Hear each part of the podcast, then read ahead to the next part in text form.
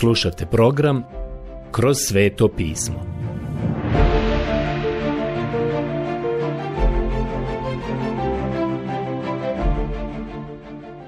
Knjiga Poslanica Efežanima Odlomak Poslanica Efežanima Poglavlje 5 od 14. do 20. stiha Danas se želim vratiti našem tekstu iz Svetog pisma. Otvorite zajedno sa nama 14. stih petog poglavlja. Ja ću sada početi čitati. Tamo piše sljedeće. Zato se kaže, ustani ti koji spavaš i uskrsni od mrtvih i obasjat će te krist.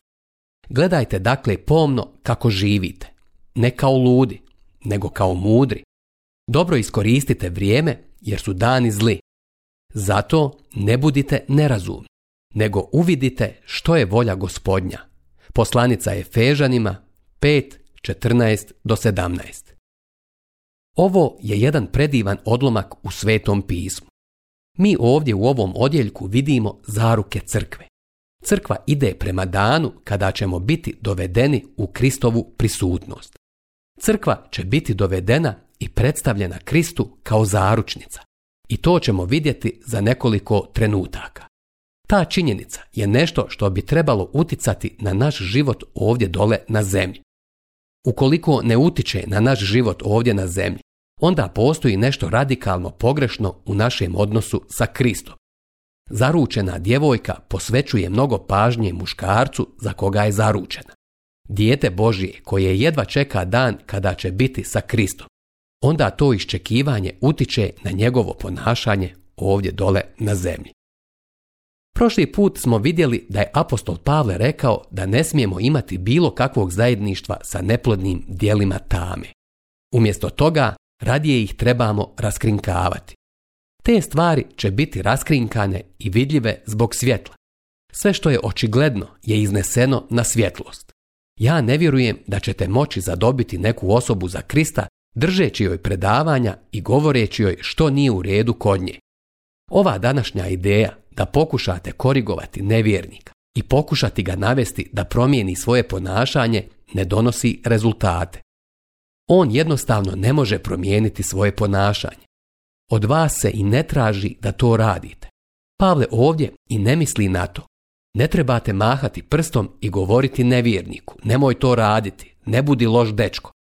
Pustite ga da radi šta hoće, a vi trebate biti svjetlo. Svjetlo će uvijek uticati na tamu.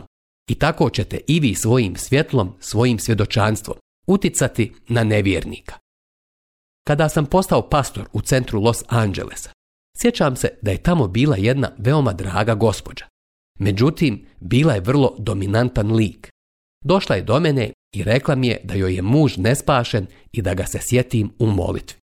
Ja sam to shvatio veoma ozbiljno i sjetio sam ga se u molitvi. Jednog dana ona mi je ponovo prišla i rekla On ide sa mnom u crku, ali nikada se nije pomaknuo kada se u crkvi uputi poziv. Kada drugi ljudi izlaze naprijed, on ne ide naprijed. I ne znam, kod kuće za stolom za vrijeme doručka, ja samo sjedim tamo, plačem i razgovaram s njim. A onda za večerom samo sjedim, plačem i razgovaram sa njim. Morao sam porazmisliti o tome ne znam za vas. Da li biste voljeli imati dva obroka dnevno sa ženom koja plače? Ja lično ne mislim da bih uživao u tome, a siguran sam da nije ni njen muž. Onda sam dobio ideju i rekao sam joj. Obrativši joj se po imenu, rekao sam joj. Umjesto da pokušavate razgovarati sa njim, zašto ne uvedete moratorij na razgovor sa njim? Nemojte više biti propovjednik i nemojte plakati u njegovoj prisutnosti. Pripremite mu najljepši doručak i najbolju večeru koju možete. I budite najslađa osoba koja možete biti. I hajde onda da vidimo kako će to da funkcioniše. Ona nije mislila da će to uspjeti i samo je rekla vidjet ćemo. Meni se činilo da ona nije znala šta je zapravo svjedočenje. Ali znate šta? Ona je pokušala poslušati moj prijedlog. Ne znam koliko je bila draga i mila prema svome suprugu, ali barem je prestala puno pričati u njegovoj prisutnosti i prestala mu je držati predavanja. Za manje od šest mjeseci taj čovjek je donio odluku za Krista. Mislim da je to bio problem. On je zapravo slušao pogrešnog propovjednika. Ona mu nije trebala propovijedati. Ona je trebala biti svjetlo. Način na koji svjetlo utiče na tamu jeste da je rastjeruje. To se nije moglo desiti dok mu ona drži predavanja i propovjeda Nikada ne bi mogla istjerati tamu na takav način. Upravo to je ono o čemu nam Pavle ovdje govori. Ne sudjelujte u neplodnim dijelima tame. Razotkrite ih. Kako? Pavle kaže da se to može postići jedino svjetlom. Kada oni vide vaš život u svjetlu, to će djelovati na njih, a ne ono što vi govorite. U 14. i u 17. stihu apostol Pavle kaže Zato Bog kaže, probudi se ti koji spavaš, ustani od mrtvih i Krist će te obasjati. Ono što on ovdje govori, to je zapovjed da učinimo nešto što je ljudski nemoguće. Kako se možete probuditi iz mrtvih? Kako se možete probuditi iz duhovne smrti? Ja mislim da se ovo buđenje odnosi na vjernike koji su upali u duhovnu ošamučenost. Dalje Pavle kaže, pazite kako hodate, ne kao nerazboriti, nego kao mudri ljudi, pazeći na vrijeme jer su dani zli. Zbog toga ne budite nerazumni, to jest ludi, nego razumni, budite razboriti, jer to je volja gospodnja. Ono što Pavle ovdje govori jeste da pazite kako hodate, to jest živite. Ovdje ponovo postoji zabrana u vezi sa hodom vjernika. Treba mudro hodati. Njegov hod treba otkriti hitnost trenutka i važnost življenja za Boga. Mislim da je cjelokupan fokus ovog hoda ostati u Božjoj volji. Kada vidite čovjeka koji se bavi nekim poslom, recimo ako je prodavac, a vi onda uđete u njegovu prodavnicu. Oh, kažem vam, on je tada na prstima.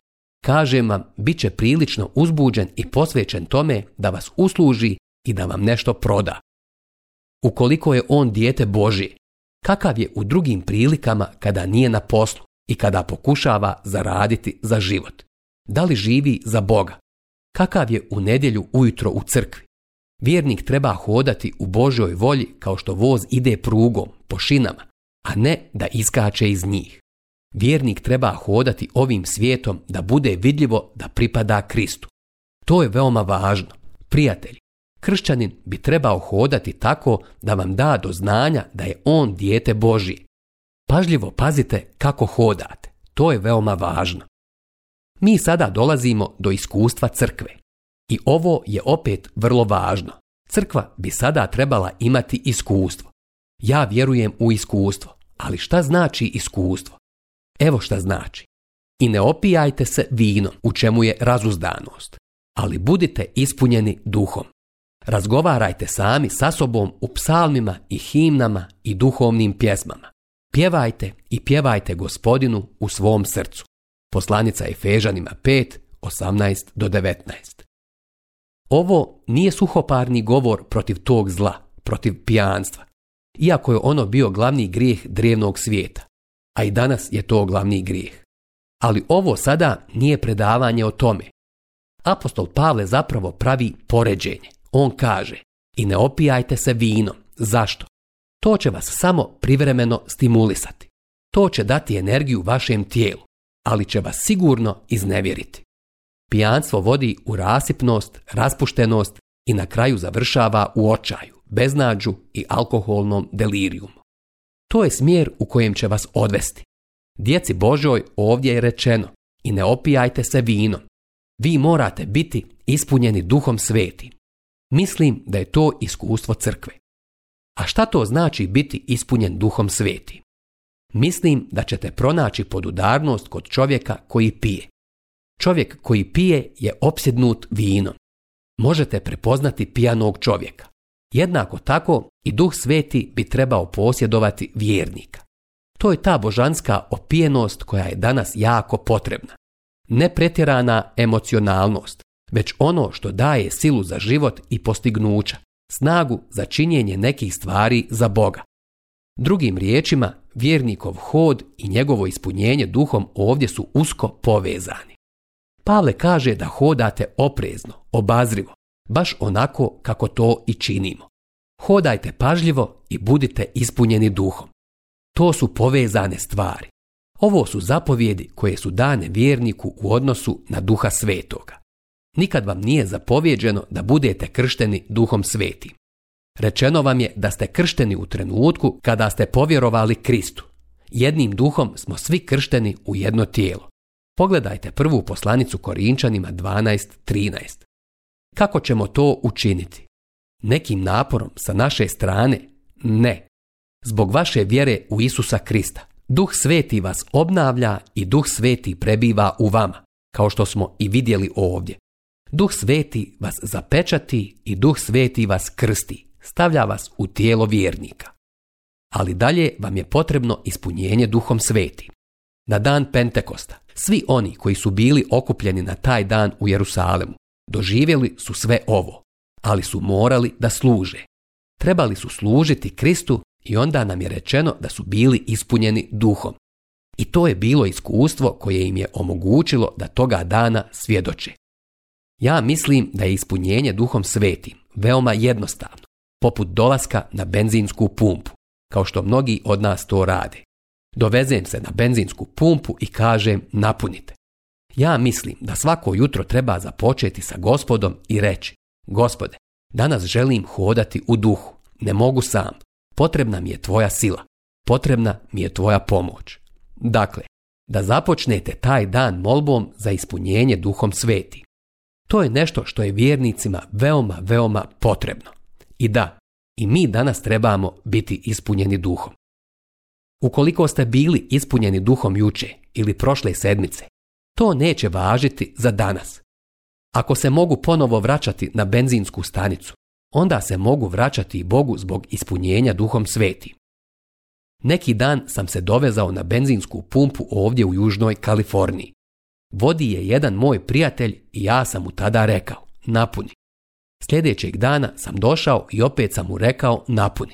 On me tada upitao, gdje si do sada? Oh, rekao sam ja, bio sam daleko, na putu. Odvezao sam se do doline Juka. Bio sam tamo i govorio na večernjoj službi. Održao sam crkvenu službu i upravo sam se vratio. Vidite, prijatelji, kada ste ispunjeni duhom, to znači da ćete samo raditi stvari za Boga i hodati u duhu. Ali to ne znači da ćete imati dovoljno duha i za sutra. Trebate i sutra novo ispunjenje. Taj vaš rezervoar stalno i iznova treba puniti. To je razlog zašto neki ljudi u jednom danu mogu biti tako silno upotrijebljeni od Boga, a sljedećeg se već osjećaju tako prazni. Ja sam imao taj osjećaj. Siguran sam da ste i vi. To znači da nam je potrebno novo ispunjenje duhom sveti. A kada ste ispunjeni duhom, kakav to efekat ima? To će vam omogućiti da hodate u duhu. I možete se spotaknuti i pasti, ali način na koji je moj mali unuk naučio hodati bio je taj što je često padao na nos. Imao je modricu na čelu i na nosu. Da li znate zašto? Učio je hodati. Čak i onda kada padne, dijete Božije treba ustati i pokušati ponovo. To je ono što djeca i rade. A onda će jednog dana početi dobro i sigurno da hoda. Bog želi da vi i ja budemo takvi. Želi da jednog dana dostignemo tu zrelost da ne mora da nas tretira kao male bebe. On želi da hodamo u duhu. On želi da budemo ispunjeni duhom. Onda, kada smo ispunjeni duhom, šta je dokaz koji to potvrđuje? Govorite među sobom psalmima i hvalospjevima i duhovnim pjesmama. Pjevajte i kličite u svome srcu gospodinu. Dobro je što je duh Božji rekao govorite među sobom jer da je rekao pjevajte, tada bi mene izostavio. Ovdje dakle piše da govorimo jedni drugima u psalmima, himnama i duhovnim pjesmama. Mislim da su to psalmi iz knjige psalama. Mislim da su svi oni bili pjevljivi, kao što ste mogli vidjeti kada smo obrađivali i prolazili kroz knjigu psalama. Himne su bile ljudske kompozicije namijenjene za slavljenje Boga. Duhovne pjesme bile su manje formalne od psalama ili himni. Vjerovatno su neke komponovane dok bi ih osoba pjevala. Nisam siguran, ali u to vrijeme mislim da je bilo tako. Tako da su ovo stvari koje su manifestacija duha u vašim životima i one unose radost u vaš život. Sada bih želio reći nešto o tome da ne budemo pijani od vina. Primijetio sam da u svim motelima u kojima ocijedamo i hotelima širom zemlje imaju ono što nazivaju happy hour, sretni sat. To znači da možete ući u peti sat i ako provedete sat vremena sjedeći na barskoj stolici, moći ćete se tamo družiti sa drugim ljudima do šest ili sedam sati. Dakle, možemo ući i biti osposobljeni za život za neko vrijeme. Vidio sam ljude kako ulaze na ta mjesta i bit ću iskren s vama, nisu izgledali sretno kada su ušli, a nisu izgledali sretno ni kada su izašli. Ali ipak oni to zovu happy hour ili sretni sat. Ovo sam prvo vidio u Medfordu, u Oregonu, a sada to vidim i na drugim mjestima. Na nekim mjestima sada to zovu sat prilagodbe stava. Vjerujte mi, nama sigurno treba sat prilagodbe stava. Jedna od onih stvari koja je potrebna jeste da Božje dijete bude ispunjeno duhom kako bi moglo zračiti gospodnjom radošću. Apostol Ivan kaže da je jedan od razloga zašto je zapisano sve ono što je Krist učinio bio taj da naša radost može biti potpuna. Pogledajte Evanđelje po Ivanu 15.11. Zapisano je i zbog toga da bismo mogli imati zajedništvo sa njim i da bi naša radost mogla biti potpuna. Mislim da bismo se trebali dobro zabaviti i biti radosni. Mislim da bi u crkvi trebalo biti zabavno. Vrijeme kada ćemo se veseliti. Ne mislim na nešto neozbiljno, već mislim da radost gospodnja treba biti tamo. Dragi prijatelj, to može doći samo kroz ispunjenje duhom sveti. Nastavljamo dalje i molim vas obratite pažnju na ono što apostol Pavle kaže. Zahvaljujte svakda za sve, u imenu gospodina našega Isusa Krista, Bogu i Ocu. Poslanica Efežanima 5.20. Drugi znak ispunjenosti duhom svetim je zahvaljivanje Bogu. Kada smo proučavali knjigu psalama, opet i opet, iznova i iznova, vidjeli smo tamo zahvalnost Bogu, slavljenje Boga. Danas nemamo dovoljno toga među vjernicima. Evo sada, ovog trenutka, ako se tako osjećate, Hajdemo svi zajedno reći, slava gospodu, hvala Bogu na njegovom neizrecivom daru. Možete li to reći iz srca? Nije dobro to samo tek tako reći, usnama. Treba biti iz srca. Čuo sam neki dan tu besmislicu, a možemo je svuda čuti. O samo kaži svima volim te. Pa to su gluposti. Ako ih ne volite, zašto govoriti neistinu? A ako ih volite, možete im to pokazati i na malo bolji način. Pavle ovdje govori o tome da budete ljubazni, ne ogovarate i pokažete ljubav. Nemojte im to govoriti. Danas neću sve obraditi, pa ću odvojiti dovoljno vremena da ispričam jednu predivnu priču koju sam čuo prije mnogo godina i za koju mislim da nešto otkriva. Pokojni doktor Howard Kelly, poznati hirurg, bio je i veliki obstetričar pisao je naučne radove na tu temu. Ja mislim da su njegovi radovi dugo bili klasika među ljekarima. Bio je veliki čovjek i veliki kršćanin, divan božiji čovjek. Priča se da je šetao u okolini Baltimora, u jednom od onih lijepih dijelova tamo gore u ruralnom području. U šetnji je ožednio i došao je do jedne seoske kuće. To je bilo u stara vremena kada su te stvari bile prihvatljive. Prišao je i pokucao na vrata, a otvorila ih je jedna djevojčica. On je upitao, mogu li dobiti malo vode? Ona je samo za trenutak izgledala zbunjeno. Rekla je, pa moja mama i moj tata, oni su otišli u grad. U kući nemamo vode, ali ima je vani u bunaru. Ali imamo malo hladnog mlijeka. Želite li čašu mlijeka? On je odgovorio, volio bih malo mlijeka.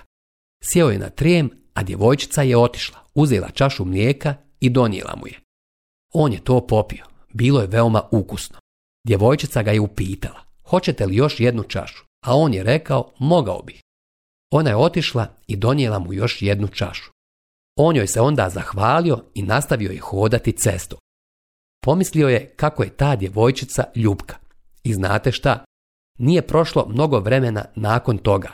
Ta djevojčica se razboljela. Imala je bolove u boku i odvedena je u bolnicu tamo u John Hopkins. I znate li ko je bio doktor koji je došao i pregledao je? Bio je to doktor Kelly. On je ugledao tu djevojčicu koja mu je dala dvije čaše mlijeka. On se tako brižno i posebno brinuo za nju. Ona je morala biti operisana zbog problema sa slijepim crijevom. Kada je sve bilo gotovo i kada je došlo vrijeme da ona bude otpuštena svojoj kući, Doktor Kelly nije rekao ni riječ.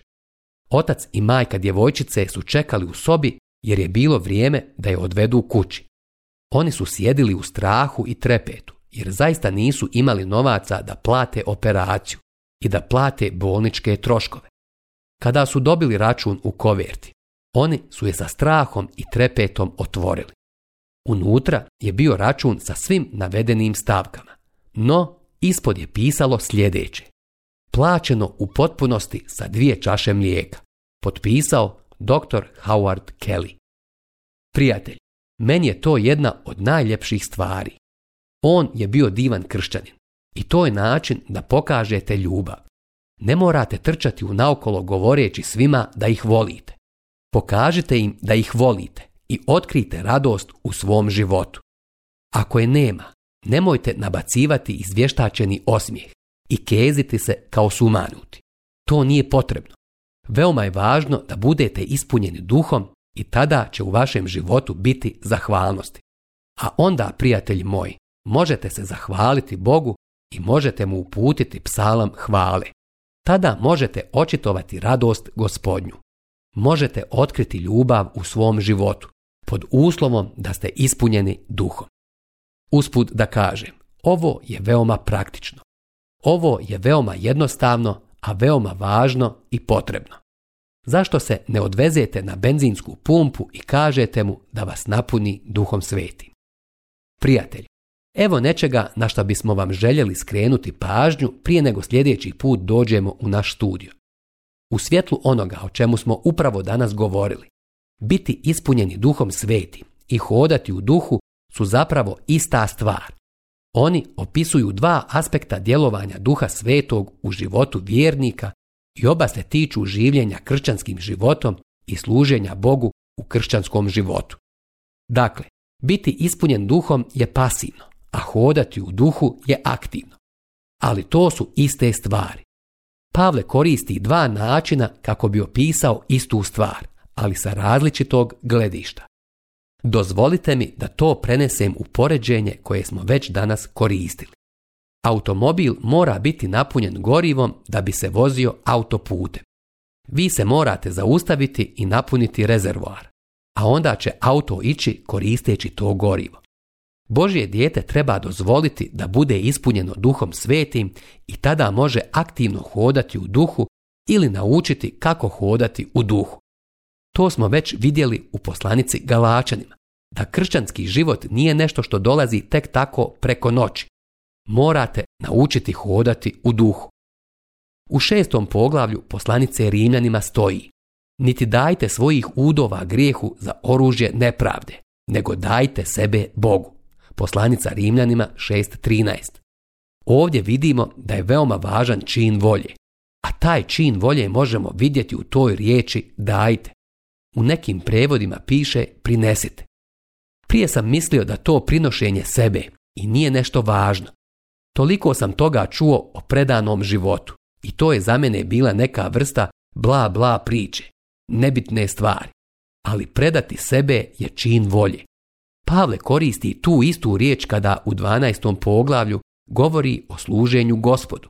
On kaže, zaklinjem vas dakle braćo, Božijim milosrđem da prikažete svoja tjelesa za živu žrtvu, svetu, ugodnu Bogu, tako da vaše bogoslužje bude duhovno. Poslanica Rimljanima 12.1 Današnji problem sa djetetom Božijim jeste taj što ono očekuje da će se dogoditi neka velika i čudesna stvar i da će to unaprijediti njegovo življenje kršćanskog života. Današnje dijete Božije kaže, pa predao sam se, kako to mislite da ste se predali? Vi ste se zapravo predali i prepustili grijehu. Razlog zašto kršćani danas upadaju u tolike poteškoće i probleme jeste to što se oni zapravo uopšte ne predaju Bogu. Oni mu se ne pokoravaju, oni ne hodaju u duhu. Jedna djevojčica je tokom noći pala iz kreveta. Njena mama je došla kod nje, podigla je jer je djevojčica plakala. Vratila je u krevet i upitala je zašto si pala iz kreveta. Djevojčica je rekla, mislim da sam ostala preblizu mjestu gdje sam se popela na krevet. Danas ima previše kršćana koji nisu preduzeli taj korak vjere u svom daljem hodu uz pomoć duha svetoga. Dalje ćemo govoriti o tome kako će to uticati na sve naše odnose u životu, ali o tome sljedeći put.